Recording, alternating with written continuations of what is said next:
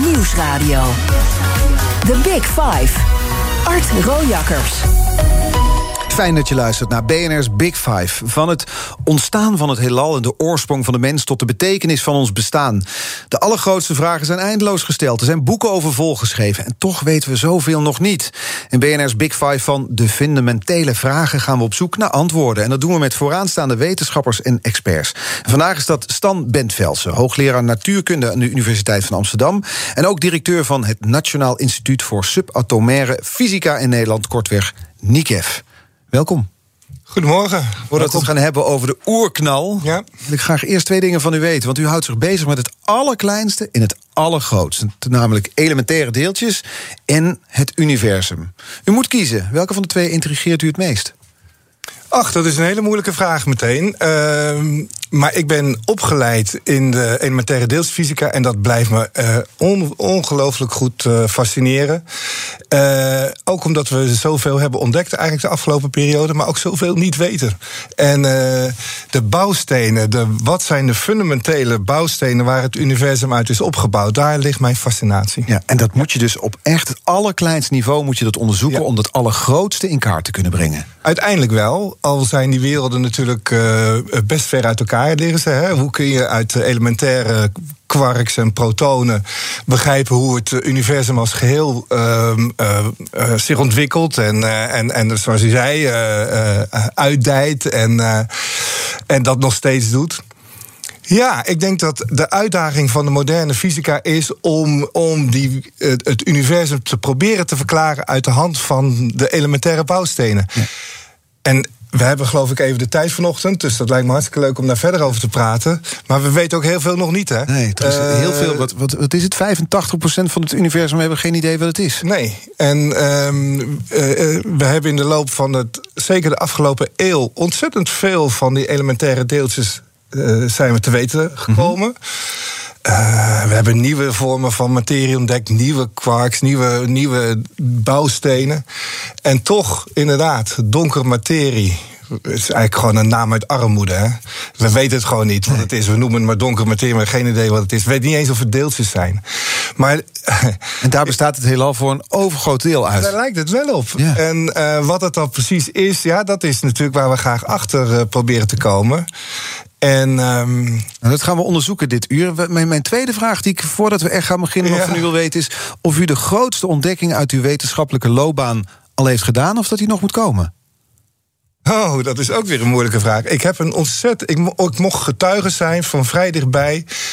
van een uh, ontdekking waar, die, die, ik zeer groot vind. Uh, de ontdekking van het Higgs-deeltje ja. bijna tien jaar geleden, negen jaar geleden. Dat is zo'n enorme ontdekking, omdat het uh, iets, iets zegt over de hele fundamentele wereld van die bouwstenen waar mijn fascinatie zo in ligt. Ik denk niet dat ik dat nog kan overtreffen, tenzij. Tenzij we iets. De wijsvinger gaan... wordt er weer opgestoken. ja, tenzij we iets gaan vinden wat voorbij dat standaardmodel van kleine deeltjes ligt. Misschien als we donkere materie vinden in onze, in onze deeltjesversnellers dan ligt die grootste ontdekking nog voor me. Ja, u begint ervan te stralen. Ja, maar dat is. Uh, ja. dat, zou wel, dat zou de ontdekking zijn ja. voor u. Ja. Ja. Nou, wie weet komen we er nog. Laten we meteen doorgaan met moeilijke vragen. Want we hebben grote fundamentele vragen te beantwoorden dit, uh, dit uur en deze week in BNR's Big Five. De oerknal. Laten we daar maar eens beginnen. Wat was dat eigenlijk? Ja, weet je, dat is natuurlijk meteen ook uh, lastig. U zei het, 13,8 miljard jaar geleden. Ineens het ontstaan van ruimte, ontstaan van de tijd zelf. Uh, dat is bijna niet voor te stellen. Ik kan het eigenlijk ook niet. Nee. En uh, in een enorme klap die uh, eigenlijk overal tegelijkertijd plaatsvond. Want uh, ja, wat is een punt als je geen ruimte hebt?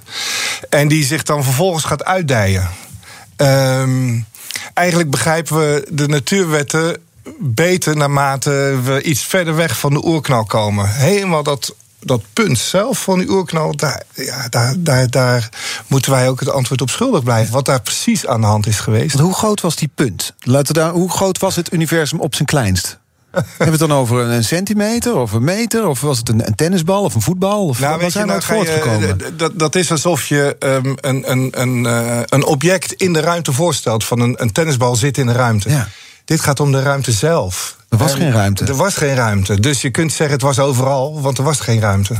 Uh, het is bijna filosofisch meteen. Het is, ja, het is meteen filosofisch. Maar dit is ook wel meteen een hele lastige om uh, erachter te komen hoor. Wat is er uh, iets te zeggen over waar wij de oerknal aan te danken hebben? Nee, er zijn mensen die, die uh, daarover aan het nadenken zijn. En die, zei, die, die komen dan met een concept van misschien is de hele oerknal wel een soort kwantumfluctuatie. Um, wat betekent dat? Nou, dat. dat um, dat het een soort toevalligheid is dat het, uh, uh, het universum is ontstaan. En dat geeft meteen de mogelijkheid, misschien zijn er meer dan één universa ontstaan. Uh, misschien zijn er wel heel veel universa's die naast elkaar kunnen bestaan. Ik vind het lastig. Ik ben een experimenteel fysicus en ik wil graag uh, uh, de natuur vragen stellen die, uh, die ze kan beantwoorden. Mm -hmm. En dit is nou net zo'n vraag die heel, waar heel moeilijk achter te komen is. Dus ik vind het voorbij mijn horizon liggen waar ik naar op zoek kan, omdat ik geen concrete antwoorden zie. Nee. Nee, en, maar daar zijn we wel naar op zoek, naar die concrete antwoorden. Ook in het onderzoek in elementaire deeltjes bijvoorbeeld. Zeker, maar uh, dat is de wereld van de elementaire deeltjes. En, uh, daar, en dan voelt er zich iets daar meer op uw gemak. Daar voel ik me meteen ja. een stuk meer op mijn gemak. Ja. ja. Wat, nog even over die oerknal. Het was dus een klein punt, ja. wat overal tegelijk tot een uitbarsting kwam. Misschien is dat niet het juiste woord, maar toen ging het universum uitdijen. Ja. Dat gebeurt nog steeds. Hè? We zijn nog steeds nog aan het uitdijen. We ja. zitten eigenlijk nog steeds in een soort oerknal. Ja, in feite wel. En het gekke is dat uh, het lijkt dat er, of het universum nog steeds sneller aan het uitdijen is. Dus um, ja, waar dat in de toekomst naartoe gaat, daar wordt ook veel over nagedacht. En, uh, en zoals het er nu naar uitziet, lijkt het meest uh, voor de hand liggende scenario dat we in een dat het universum alsmaar groter, groter en groter blijft worden. Totdat we uiteindelijk een soort oplossen in een. Hè, alle structuren verdwijnen dan en dan. Is het weer niks? En dan wordt het weer een soort niks. Ja. Dat, dat is wel heel, over heel Ik val er meteen stil van. Ja. Het is dan, je probeert je er een voorstelling van te maken. Maar... Uh, ik zou er niet om wakker liggen. Nee. Uh, want het duurt nog wel even. Ja. Um, uh, maar, maar om terug te komen op je vraag, die, de, de, de, de oerknal is in feite nog steeds bezig. Ja. ja. En als we dus zo uitdijen, misschien is dit weer geen juiste vraag, vergeef me deze onwetende presentator. maar als je uitdijt, denk ik, dat moet dus in iets gebeuren. Dus er is iets waarin nee. het universum groter wordt. Nee, nee, het is... Alsof je een ballon opblaast en buiten die ballon is dan je woonkamer bijvoorbeeld. Uh, nee, dat is wel lastig voor te stellen. De ballon is best een goede metafoor, maar dan moet je je voorstellen alsof je een mier bent die op de ballonoppervlakte leeft, mm-hmm. leeft. En de ballon wordt steeds groter. Dus je ruimte wordt ook steeds groter. Je kunt steeds grotere afstanden afleggen. Um, maar het gebeurt niet in een hogere dimensie. Nee. Er is, daarbuiten is er niets. Dit is onze, dit is onze ruimtetijd, een vierdimensionale ja. wereld waarin we leven. Ja. Die, ja. die, die, die Big Bang dat heeft dus allerlei structuren doen ontstaan. Samenklontering van sterrenstelsels. Dat heeft je geleid tot onze zon. Die is 4 miljard jaar oud. Ongeveer, ja. Jonkie. Ja. ja. En uh, planetenstelsels, noem maar op en zo. En het is dus heeft dan weer te maken met die elementaire deeltjes die u onderzoekt. Want die zijn ook ontstaan bij de oerknal. Ja, pas op. Want uh, mijn vakgebied bestaat uit het bestuderen van die elementaire deeltjes enerzijds, maar ook elementaire krachten. En, uh, want dan hebben we het over zwaartekracht. Dan hebben we het over zwaartekracht. En, en daarnaast zijn er nog een drietal kernkrachten. Kunnen we misschien straks even over hebben. Maar zwaartekracht is meteen zo'n uh, kracht die juist de ordening van het universum uitmaakt. Dus uh, je had het over het vormen van sterrenstelsels, het vormen van de zon. Allemaal uh, dankzij de zwaartekracht. Mm -hmm. die uh, eigenlijk de oerknal die duwt de materie uit elkaar en de zwaartekracht probeert het weer bij elkaar te trekken. Dus zijn dat tegenovergestelde, is tegenovergestelde um, uh, ja, krachten kun je ja. zeggen. En, en wat kunnen we dan afleiden op wat er op een heel klein niveau gebeurt, op dat elementaire niveau? Wat, wat zien we daar dan wat nog terug te herleiden is op de oerknal? Dat is lastiger. Dus uh, die, de, je moet echt naar het universum als geheel kijken om, om iets te zien over die, uh, de, de nagloeien van die oerknal. Mm-hmm. Um, in in uh, het universum met die bouwstenen en de elementaire deeltjes, daar zie je dat die andere krachten veel belangrijker zijn. Dus, uh, de, en dan heb je het over um, echt materiedeeltjes. Hoe kan het nou dat we een stevige tafel om ons heen hebben staan waar we niet doorheen zakken? Dat moet ook bij elkaar gehouden worden. En daar zijn die kernkrachten voor nodig. Samen met elektriciteit en magnetisme. Dat zijn, dat zijn de uh, elementaire krachten die wij bestuderen. Ja, en dat is, dus, dat is eigenlijk heel concreet. Als u het zo omschrijft. Ik, ik, ik vind het uitermate concreet. Ja, ja. ja. Uh, maar niet minder fascinerend. Je komt wel een wereld tegen waarin je even toch moet verbaasd moet zijn over hoe de wereld er op dat niveau uitziet. Mm -hmm. En uh, ik kijk er altijd met ontzag naartoe. Uh, we Waar zit dat ontzag in? De, de, de wereld van de elementaire deeltjes is zo uh, tegenintuïtief, maar het heeft een eigen schoonheid. En dat vind ik wel uh, dat vind ik fascinerend. Het is mathematisch, zit het, zit het, het is allemaal beschreven door de wiskunde. Hè? Mm -hmm. die is niet eenvoudig. Um, maar is die schoonheid ook in woorden te vatten? Of is het alleen in wiskunde te omschrijven? Nou, het, je moet altijd een beetje zoeken naar uh, de juiste metafoor. En ik heb wel eens uh, Wim de Bie uh, horen zeggen dat hij een hele metafoor had over van, van deze elementaire deelswereld. En, en uiteindelijk wist hij hoe je een pan spaghetti moest koken. je moet het ook wel terug, altijd weer terugbrengen naar wat je kunt meten en wat je kunt zien in, je, mhm. in, in, je, in je experiment. Um, maar dan lukt het soms wel. De, de krachten bijvoorbeeld, waar, uh, waaronder al die elementaire deeltjes hun gedrag mee uitoefenen, uh, wordt in heel veel gevallen gegeven door uh, symmetrieën. Symmetrieën heeft, dat kennen we wel uit het dagelijks leven. Hè? Mm een, een, een, sneeuwvlok heeft een mooie, mooie symmetrie. En de abstracte versie van, van symmetrie is eigenlijk ook de grondslag voor het begrijpen van uh, krachten. En daar zit hem de schoonheid in. En daar zit wel schoonheid in, ja. The Big Five. Art Rojakkers. Deze week over de fundamentele vraag in de Big Five. Met vandaag Stan Bentvelsen, directeur van NICEF... en hoogleraar natuurkunde aan de UvA. Um, u was in het verleden werkzaam voor CERN. Dat is die Europese organisatie in Genève. Die hebben daar een soort racebaan voor elementaire deeltjes. Ja. Hè, waar ze in rond ja. scheuren, zal ik maar zeggen. Wat deed u daar? Uh, ik was onderzoeker uh, bij CERN. En uh, je moet je voorstellen, dat was de toenmalige deeltjesversneller. Die bestaat inmiddels niet meer. Waarin ehm, elektronen tegen antideeltjes werden gebotst. En ehm, daar waar de botsing plaatsvindt, daar zet je een groot apparaat neer om die botsing te kunnen waarnemen, een detector. Mm -hmm. En ik werkte toen de tijd voor een van die detectoren die die botsingen kon waarnemen. En daarmee. Um, uh, uh, waren we bezig om, uh, om die wereld van de elementaire deeltjes nog verder te begrijpen. Ja. Want de, die deeltjesversneller, kunt u eens uitleggen wat voor apparaat dat was? Dat is een enorme installatie, kilometers ja. lang. Ja. Ik heb een filmpje gezien waarin u er een rond fietst. Ja. Doe je er, hoe lang deed u er ook over, een rondje? Nou, een rondje heb ik eigenlijk nooit compleet oh. gemaakt. want dat is bijna 27 kilometer. Ja. En die deeltjes... 20,7 kilometer. En hoe, hoe, lang doet een deeltje erover? nou, een, een, zo'n elementair deeltje zit in zo'n klein vacuüm buisje weer in die tunnel. Die mhm. dan een rondje maakt van 27 kilometer omtrek. En uiteindelijk ongeveer 11.000 keer per seconde uh, maakt ze 11.000 rondjes per seconde, zou ik het zeggen. Dat vind ik dus al ongelooflijk klinken. Bent u er nog verbaasd over, over dat soort snelheden? Uh, nou, hier ga ik dan wel een beetje aan wennen, ja. Ja, ja 11.000 keer per seconde. Het is vrijwel de lichtsnelheid. Dus ja. het zit uh, op een fractie van de lichtsnelheid vandaan. En je moet je voorstellen, in, in, die, in die tunnel, want die tunnel die ligt dan een meter of 100, 120 meter onder de grond. Hangt er een beetje vanaf waar je naar beneden gaat, want het is daar wat heuvelachtig. In, de, in die uh, tunnel heb je deeltjes met de klok mee en tegen de klok in. En uh, uiteindelijk uh, komen ze ergens bij elkaar en botsen ze frontaal. En wat gebeurt er dan? Ehm, en dan kan er van alles gebeuren. We kunnen dat niet per deeltje afzonderlijk regisseren. Het is als het ware een soort schot hagel op een schot hagel. Mhm. En de meeste van de kogeltjes die schieten langs elkaar heen. Maar heel af en toe heb je kans dat één zo'n kogeltje van de ene kant precies botst op het kogeltje van de andere kant. Het elementaire deeltje van de een op de andere gebotst. Ja.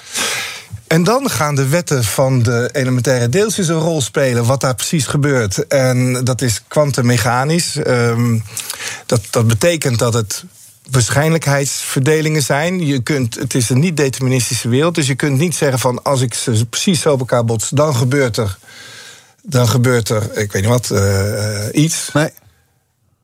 Uh, er is alleen een kans dat er iets gebeurt. En er is dus een kans dat er dat er niet zoveel gebeurt. Een, niet zo interessante botsing. Maar je hebt ook een kleine kans dat er bijvoorbeeld een Higgs-deeltje wordt uh, gemaakt. Dat vervolgens weer uit elkaar valt. En dat kun je dan detecteren met je deeltjes. Ja, want u noemt het nu inderdaad het Higgs-deeltje. Daar werd u in, in 2012 werd ook u wereldnieuws door de bekendmaking van het Higgs-deeltje. We hadden het er al kort over. Ja. Dat was dus te danken aan die deeltjesversneller en dit soort apparatuur. Ja. ja. Laten we eens kijken naar het Higgs-deeltje. Het is niet met blote oog te zien, maar is te omschrijven wat het is. Nou, wat het misschien ook even goed om te omschrijven wat het niet is. Het is niet een deeltje wat je uiteindelijk in een luciferdoosje kunt stoppen en in de boekenplank uh, kunt uh, leggen. Nee, Kijk, hier heb ik er een. Nee, nee, nee, dat gaat niet. Nee, het is een deeltje wat, um, wat heel kort bestaat en dan uit elkaar valt. En, uh, en we, we, meten eigenlijk alleen de vervalsproducten van het Higgs-deeltje. Het Higgs-deeltje zelf, ja, het is een uiterst merkwaardig ding. Um, het is een Mag ik even een beetje vertellen wat de, wat de context is? Want uh, we, hebben best wel een goed idee over, uh, over het gedrag van die elementaire deeltjes. Mm -hmm. Maar één ding uh, wisten we eigenlijk nog niet zo goed, en dat was hoe deeltjes hun massa krijgen. Waar komt die massa vandaan? En daar was eigenlijk geen goede wiskundige beschrijving voor beschikbaar. En uh, kwam het idee van Pieter Higgs uh, boven water, had hij al in 1964 opgeschreven. Waarin hij voorstelde dat er een, een, een, een fluidum om ons heen zou zijn. Ja? Het, uh, de, de, het, het, Higgsveld. De wereld omheen zou een Higgsveld bevatten. omdat de deeltjes door dat Higgsveld ploegen, verkrijgen ze een massa. En ja, de rimpeling van dat, uh, van dat Higgs-veld is dan dat Higgs-deeltje. Mm -hmm. Ik vind een mooie vergelijking. Uh, waarbij je kunt voorstellen dat je een vis bent in een vissenkom. Dat zijn wij, die vis? Uh, wij zijn de vissen en we zwemmen rond. En, we, en eigenlijk hebben we nooit goed beseft dat we in water zwemmen. We hebben altijd ons leven zo meegemaakt uh, van, nou, uh, we, we, zwemmen hier toch. Maar we hebben eigenlijk ontdekt dat we het water hebben ontdekt. En hoe hebben we dat ontdekt? Door naar de bovenkant van de vissenkom te kijken. En we hebben gezien dat daar rimpels op het wateroppervlak kunnen ontstaan. En dat is het Higgs-deeltje. Ja. Het Higgs-deeltje is eigenlijk de signatuur van een Higgs-veld. En het Higgs-veld zorgt dat alle deeltjes een massa krijgen. En daarmee geeft u ook meteen het belang aan van die ontdekking van het Ja. Higgs-deeltje. Omdat we het dus staat eigenlijk. heel centraal in alle elementaire Het deeltjes. was een soort missing link. Het was absoluut een missing link. Ja. Het is niet naar u vernoemd. Of naar de Nederlandse Nobelprijswinnaars die er ook bij betrokken waren. Naar die Brit Pieter Higgs. Ja. Eh, wat ik dan wel jammer vind van de Nobelprijs is dat het, helemaal terecht dat het naar Pieter Higgs, trouwens ook naar twee collega's van hem, Bram en Enkler. Ja. Maar de, experime- de experimentele activiteiten in de afgelopen tien jaar... die waren zo groot, eh, met zoveel mensen bij elkaar... allemaal op zoek naar dat eh, Higgsdeeltje. Ik vind dat dat ook wel eens gezegd mag worden... dat. Ja. daar eh, veel, eh, veel creativiteit en veel eh, werk achter zit. Ja, Gerard het Hoofd en Martinus Veldman kregen in 1999 als Nederlanders de Nobelprijs hiervoor. En Higgs leeft nog, 92 jaar oud. Ja, ja. ja. ik heb hem toen ontmoet. Een heel amabele man. En je hebt helemaal gelijk. Martinus Veldman, hij is begin dit jaar helaas overleden. En Geert het Hoofd, die hebben... Die hebben eigenlijk de wiskundige eh, basis gelegd voor het Kader. begrijpen, het kader voor het begrijpen van die ehm, eh, elementaire deeltjes. Ja. Ik, ik zag Pieter Higgs, ik zat wat terug te kijken. Inderdaad, een amabele, maar ook een levenslustige man. Ik praat nu, we zijn bijna een half uur in gesprek. Ik zie hetzelfde hier aan de andere kant bij de microfoon bij, bij u. Het houdt je jong misschien wel, elementaire deeltjes onderzoeken. Nou, dat weet ik niet, want eh, dat, dat, dat moet je misschien maar aan Pieter zelf vragen. Maar ehm, ik vind wel eh, eh, een, een, een soort. Het, het blijven zoeken en het nooit helemaal. Ik, ik zal nooit achteroverleunen van, nou, we zijn klaar. Nee. En eh, dus je blijft op het puntje van je stoel eh, kijken wat er, eh, de volgende botsingen eh, laat zien. En wat een, want laten we wel wezen, met, we hebben dat Higgs-deeltje ontdekt, maar daarmee komen de hele nieuwe vragen. Welke nieuwe vraag heeft opgeworpen? Want we weten nu dan dat we die vis in die, in die kom zijn, de rimpeling van het water. We weten waarin we ons, dat Higgsveld waar we doorheen ploegen. Ja, je zegt het goed. Wat weten we niet? Nou, het is nogal wat als je zegt dat ons hele universum gevuld is met een Higgsveld. Dat is een bepaald energieveld. En om maar een, een, een, een van de dingen die we niet goed weten te beschrijven is een energieveld. Dat energie is massa, ESMC-kwadraat. Dus energie is ook een massa. Maar we hebben uit de zwaartekrachtstheorie van Einstein. Begrijpen we dat massa kromt de ruimte.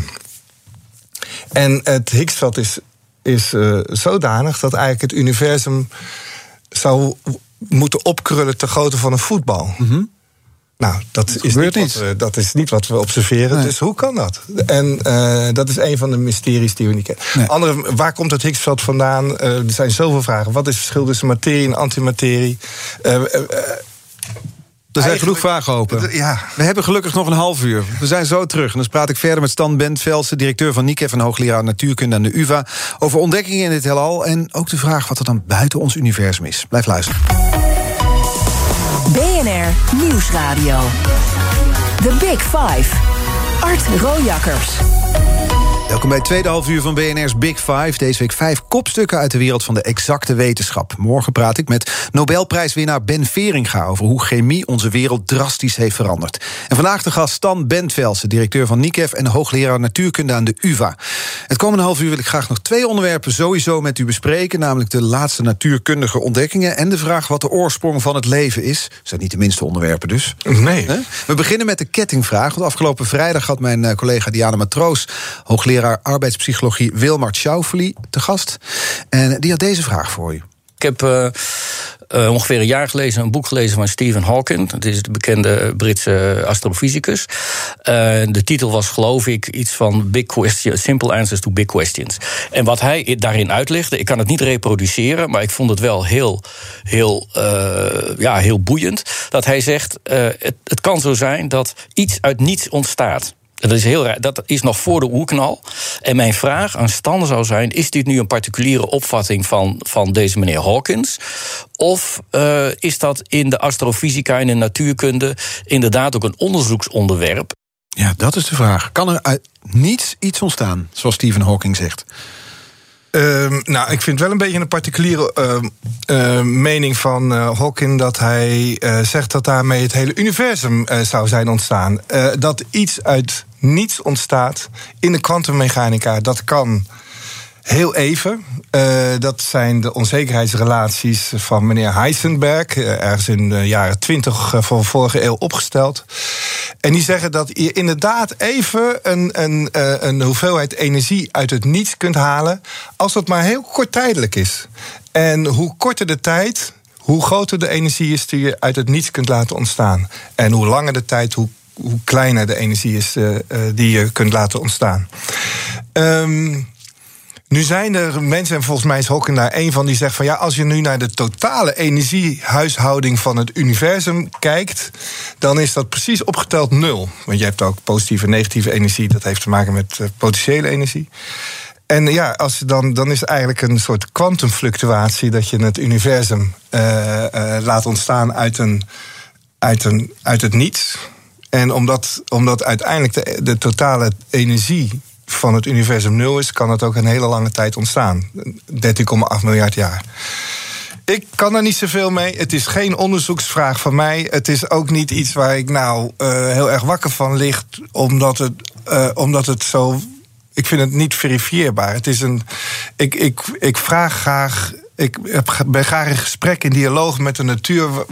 Uh, en, en, laat de natuur een antwoord kunnen geven op de vragen die we stellen. Ja. Maar misschien kunnen wij de juiste vragen nog niet stellen. Dat nou, dat zou ook. kunnen. Dus ik wil best die open blik houden. Ja. Maar um, dit raakt voor mij wel. Dat is voor mij iets te ver. Ja. Maar het is bijna religieus. Als we het zo bespreken. Want je hebt het dus over iets dat uit niets ontstaat. Maar wat was er dan voor dat niets? En wie laat dat iets iets worden? Of is dat niet iets, maar is dat de natuur zelf? Waar, waar hebben we het op een gegeven moment nog over?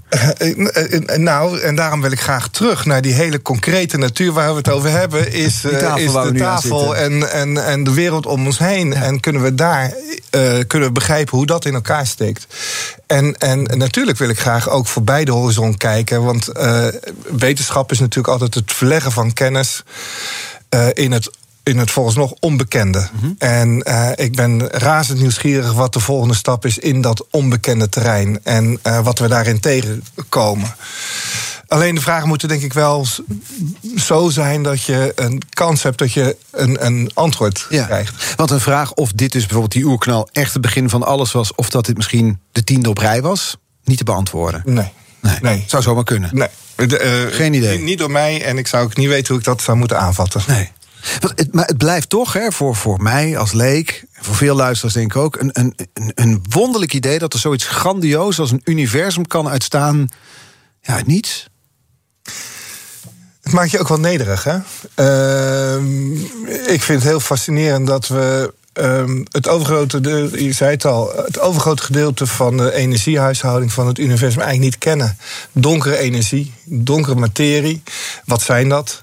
Um, we hebben natuurlijk de laatste tijd um, wat beter gezien hoe zwaartekracht uh, werkt. Uh, dat is toch het principe wat het, wat het universum uh, ordent, wat de structuren aangeeft. Hè. De, de, de, de samenklontering van materie is door de zwaartekracht, waardoor je mm -hmm. sterrenstelsels ziet ontstaan. Um, en ik vind het bijzonder fascinerend dat we die vierde uh, kracht, de zwaartekracht, dat we daar uh, nu ineens veel meer van gaan zien door mm middel van zwaartekrachtsgolven. Ja. Ja, want dat is dan die, die nieuwe ontdekking. Laten we het er zo over hebben. Maar ik was nog even benieuwd op dit onderwerp, dat nederig. Want dat zei je zo in een bijzin. Het maakt nederig. Op wat voor manier? Ja, vind ik, vind lastig. De, de, ik zei al zo even dat die natuurwetten, als je die beschouwt, die zitten fantastisch in elkaar. Ook veel wat we niet snappen. Um, het is soms wel eens een beetje alsof je op de maan terecht zou komen en je zou er een horloge vinden. Dan heb je ook het idee van: hé, hey, hier, is, hier is iemand geweest. En um, als je de natuurwetten beschouwt op het meest elementaire niveau, die mhm. zitten zo in elkaar, denk je, ja, wie heeft dit geordend? Wie heeft deze structuren aangebracht? Mm um, dat, vind, dat, dat raakt natuurlijk aan het religieuze. Ja. Hè? En, en, en uh, ik denk ook dat je daar heel door geïnspireerd kan worden. Bent u religieus geworden door dit onderwerp? Nou, ik, eh, ik wel in de zin dat ik uh, in, in de natuur wil ik beter begrijpen. En, en uh, dus ik, ik zit heel dicht op de natuur. Hè. Dat, ja. uh, en ik, ik ben niet zo'n. niet heel religieus als in, in, in de vorm geworden. Mm -hmm. Maar wel, uh, we, we, we, zijn wel. Ik vind dat we een heel bijzonder en bevoorrecht bestaan hebben. Ja. Uh, om dit te kunnen onderzoeken. Ja. En dat, dat, dat onderzoek, eigenlijk is het ook iets goddelijks dat je onderzoekt. Als je zo naar de basis wel, gaat. denk ik, ja. ja, ja. En. Uh, dus we zoeken steeds weer een stapje dichter bij dat, nou, zoals je kunt dat het goddelijke noemen, maar je kunt het ook, ik noem dat de natuur. Mm -hmm. Uh, steeds een stapje verder. En, en uh, steeds weer even dan die blik naar buiten van... hé, hey, wat hebben we nou eigenlijk ontdekt? En wat gaaf. Is dat, is dat eigenlijk uit te drukken in percentages? Hoe, hoeveel van het universum snappen we? Is daar iets van te zeggen? Hoeveel hebben we door? Hoeveel weten we? Nee, dat, dat, want je weet niet hoe ver de horizon voorbij de horizon. Uh, je weet, weet, niet wat de wereld voorbij de horizon nee, is. Nee. Ik vind wel dat we best wel veel begrijpen hoor. Uh, 5% is zichtbare materie. 5% is zichtbare materie. Uh, we, we, kennen. Uh, drie van de, van de vier krachten behoorlijk goed. de vierde trouwens op een bepaalde manier ook wel. Maar we begrijpen ook nog heel veel niet. Nee. Uh, in, in, het extreme. In het, uh, precies waar we het begin van dit gesprek over hadden. In het punt van de oerknal. Dat begrijpen we niet. Nee. Of in de absolute kern van een elementair deeltje. Dat begrijpen we ook niet zo goed. Nee, dat ze op meerdere plekken kunnen zijn in sommige gevallen. Ja, de, de, ja. Dat er wetten zijn waar zij zich niet aan houden, waar wij ons wel aan houden. Terwijl we bestaan uit elementaire deeltjes. Bijvoorbeeld. Ja. Ja, ja. ja, ja Die zwaartekrachtgolven die kwamen net al voorbij. Die zijn in 2015 ontdekt in, wat was het, de Verenigde Staten? Ja. In Italië. Hè? Dat was een spectaculaire ontdekking. Absoluut. Kunt u eens uitleggen waarom?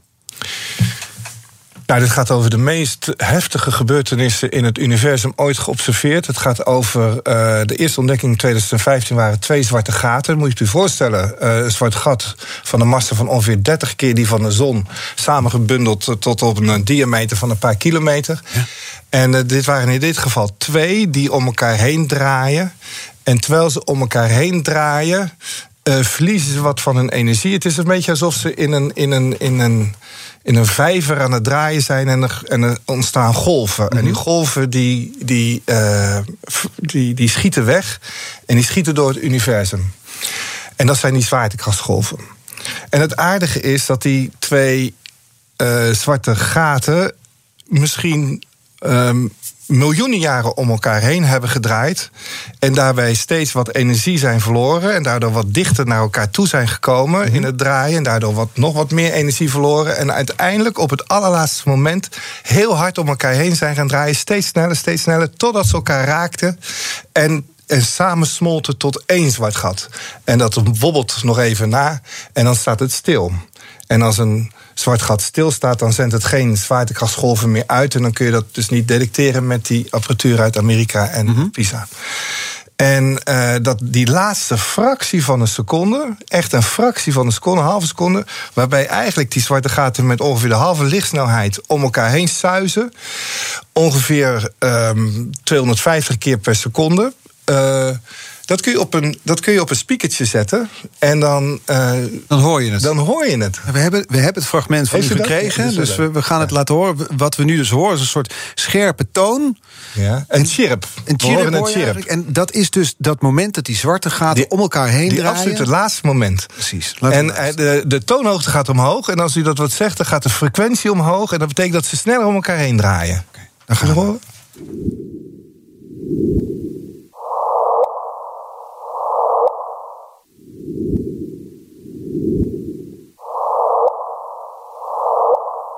Dit is, dit is Dat, die dat is, die is eens een wiep, dat is een chirp. En dat is het allerlaatste moment waarop eh, eh, 30 zonnemassa's en 30 zonnemassa's tegen elkaar aan zijn geklapt, steeds sneller. Ja. Die hebben een, een, eh, een één zwart gat gemaakt van niet 60 keer de zonnemassa, maar 57 keer de zonnemassa. Ja. Er zijn drie zonnemassa's verdwenen in pure energie. En die zijn eh, eh, door het heelal geslingerd. En eh, 200 miljoen jaar later eh, geobserveerd door die detectoren eh, in, eh, in ehm, Amerika en Pisa. Maar dit geluid dat we hoorden, je kon ook denken dat het Amsterdam Dance Event was waar we naar luisterden. Maar dat, dat is dus een enorme botsing tussen twee zwarte Het gaten. allergrootste eh, energetische event ooit gedetecteerd. Eh, ehm, eh, dit vond ergens in het universum plaats. En het is natuurlijk fascinerend dat we dat hier kunnen observeren op de aarde. En ehm, dit smaakt naar meer. Dus eh, eh, wij wisten eigenlijk helemaal niet hoeveel van die zwarte gaten er om elkaar heen zouden draaien. Of er nog meer fenomenen zijn die zwaartekrachtsgolven uitzenden. En ja, dit is denk ik ook eh, het onderzoek van de toekomst. BNR Nieuwsradio. The Big Five. Art Rojakkers. Hadden het over die zwaartekrachtgolven met Stan Bentvelsen, directeur van NICEF en hoogleraar natuurkunde aan de UVA. We hoorden dat, dat mysterieuze geluid diep uit het universum. Dat brengt je dan toch ook weer bij de basis eigenlijk. Namelijk, horen we hier ook het ontstaan van leven, of juist het einde van leven? Kunnen we hiermee iets zeggen over de oorsprong van dat waar wij vandaan komen? Nou, of het de oorsprong van leven is, dat weet ik niet. Het is wel de oorsprong eh, van dat waaruit het leven uiteindelijk ehm, eh, is ontstaan. En dat is natuurlijk een heel miraculeus eh, ehm, ehm, gebeuren.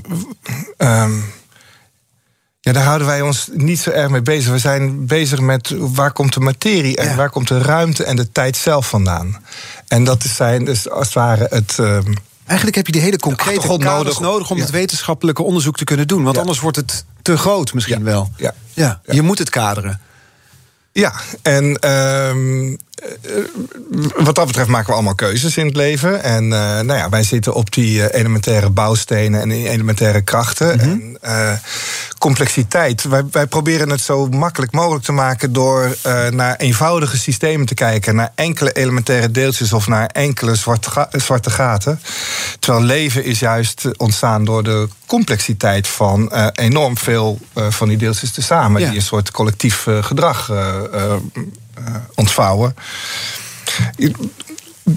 Daar, daar, ligt niet mijn expertise. Nee. nee. Dat, dat, universum bestond misschien wel uit een kwantumfluctuatie, zei u al. Dus hè, we hadden het ja, over Stephen Hawking. De, de, mening van uh, meneer Hawking. Ja. En dat, dat, dat het eigenlijk dus toeval, toeval is, min of meer. Zijn wij, zouden wij dan ook toeval zijn? Het menselijk leven of überhaupt het leven?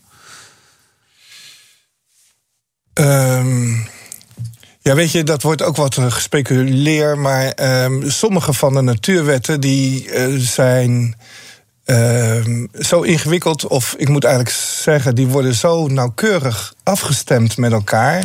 En dat klinkt een beetje lastig. Maar mm -hmm. de natuurwet van die elementaire deeltjes. Daarin moet je uiteindelijk. Um, je hebt een theorie en dan moet je uiteindelijk een getal invoeren van wat is nou bijvoorbeeld de massa van het elektron of, of ja. de massa van het Higgsdeeltje of zo. En nou, neem de massa van het Higgsdeeltje. Uiteindelijk moeten we uh, dat getalletje in, een, in, in de theorie stoppen met een nauwkeurigheid van 30 cijfers. En als we daar één cijfertje verkeerd in doen, dan gaat het helemaal fout met het, uh, met het model. En waarom je nou die hele specifieke waarde moet invullen in die theorie om hem goed uit te laten komen, om de wereld te beschrijven zoals we hem observeren, dat weten we niet. En dat houdt ook de theoretici best wel bezig. En een van de mogelijke antwoorden die zij hebben gezegd van nou misschien is er geen één universum ontstaan, maar zijn er talloze universa's ontstaan hè, met die kwantumfluctuatie waar we het net over hadden. En leven wij en, en, en heeft elk universum een andere inputgetalletjes uh, voor de theorie? En leven wij nu net in het universum waarin het goed is uitgekomen? Want de andere universa's die hebben niet zo lang kunnen doorleven, omdat daar de natuurwetten verschrompelen, door, omdat ze niet uh, uh, de juiste inputwaarde hadden. Dat is het antroposofische principe. Mm -hmm. En um, ik vind dat altijd ingewikkeld, want daarmee kun je ook zeggen van, nou ja. Uh, het heeft geen zin meer om verder te onderzoeken, want uh, wij leven nu toevallig in dit ene Alles is toeval. Alles is toeval en uh, daarmee kun je niet meer verder komen. Dat vind ik jammer. Ik wil wel graag uh, verder begrijpen. Ja, ja. En over het verder begrijpen, waar u nu mee bezig bent, samen met collega's, is die nieuwe natuurwet. Moet ik het maar even omschrijven. Die is dus een nieuwe ontdekking, baanbrekend. Eigenlijk op het, op het randje van wat we wel en niet weten, toch? Ja. Ja, en, Altijd te vatten in woorden? Is het dat, gaat over, dat gaat over de zwaartekracht, denk ja. ik. Hè? Ja. En um, um, de zwaartekracht is natuurlijk ook weer door. Dat is trouwens wel een fascinerend figuur geweest hoor, Albert Einstein. Uh, die heeft dat uh, in 1916 uh, beschreven. Die heeft zelf altijd gezegd: die zwaartekrachtsgolven zijn te subtiel om ooit te kunnen waar, waargenomen te kunnen worden. Mm -hmm. Hij geloofde er niet in dat uh, de mensheid in staat zou zijn om die subtiele rimpelingen te kunnen detecteren. Om toch maar even de, uh, de vergelijking te geven. Uh, een zwaartekrachtsgolf hè, die we hebben ontstaan, waar, waar we het net over die ja. chip over hadden. Dat heeft die, de grootte van die zwaartekrachtsgolf is vergelijkbaar met de hoogte van het IJsselmeer. Ja. Uh, het IJsselmeer heeft een bepaalde hoogte. En als je één druppeltje water bij het IJsselmeer toevoegt, dan gaat natuurlijk het IJsselmeer uh, oppervlakte iets omhoog. Ja. Niet zo heel veel. Daar hebben we het over. En dat is veel groter dan de uitslag van die zwaartekrachtsgolven. Zo minuscuul. Zo minuscuul. Dus we hebben enorm gevoelige apparatuur nodig om dit überhaupt te detecteren. Ja. Daar is jarenlang aan gewerkt. Ja. En de, de uh, factor toeval is daar uitgeschakeld. We weten factor zeker dat dat ja, het is. Hè? Ja. Er zijn ook verschillende van deze antennes uh, tegelijkertijd werkzaam, zodat je ook correlaties kunt zien. Ja. Ja, en dat betekent dus dat, dat dat kunnen we nu dus, maar dat opent de wereld naar meer. Dat opent de wereld naar meer. En we hebben natuurlijk uh, wij hebben de ambitie om te kijken of we een, eh, een apparaat kunnen bouwen. wat nog veel gevoeliger is voor het meten van die zwaartekrachtsgolven. Waarmee we uh, nog veel beter kunnen luisteren naar die, uh, naar die zwaartekrachtsgolven. En ook misschien veel dichter bij de oerknal kunnen komen ja. in, in het meten van die golven. Dat, onze ambitie is neergelegd met de Einstein-telescoop. Dat mm -hmm. is een, een, een, een grote infrastructuur van 10 bij 10 met 10 kilometer ondergronds. Uh, die moet luisteren, uh, is het plan, naar die zwaartekrachtsgolven uit het universum. Ja. En betekent dan dat u dan nu op de drempel staat van iets wat er. Ja, een, een, volgende ontdekking, zal ik maar zeggen? Of valt het niet zo te beschrijven? Uh, nou, het is alsof je een heel nieuw zintuig krijgt om het universum waar te nemen. En met een heel nieuw zintuig ben je ineens gevoelig voor. Um, voor fenomenen die, die je eerder helemaal niet in de gaten had, mm. dat die zich afspeelden. Dus het is ook een soort. Een nieuwe bril gekregen. Het, ja, ja, een nieuwe bril gekregen, een, een nieuw uh, uh, oog op het universum. Ja. Of een, misschien wel gehoor, kun je het beste mee vergelijken. Het is, het is een prachtig en wonderlijk uh, fenomeen waar u zich mee bezighoudt. Morgen is mijn gast scheikundige Ben Veringa. U kent hem natuurlijk, Nobelprijswinnaar. U mag hem een kettingvraag stellen. Wat zou u van hem willen weten? Nou, Veringa is bezig met uh, nanostructuren en heeft daar hele fascinerende uh, um, beweging in kunnen maken. Ik vraag me dan af, wat is, de, wat is het eindpunt van de complexiteit? Zou je, zou je op die manier ook het leven kunnen maken? Zou je ook een, een biologische cel kunnen namaken op, met zijn technieken? Mm -hmm. die zichzelf reproduceert. Dat ja. is wel heel ver weg hoor, denk ik. Maar ik ben benieuwd wat hij erover zegt. We gaan het hem morgen vragen na zo'n uur praten over dit onderwerp, ja, kunnen wij het universum ooit begrijpen in ons leven?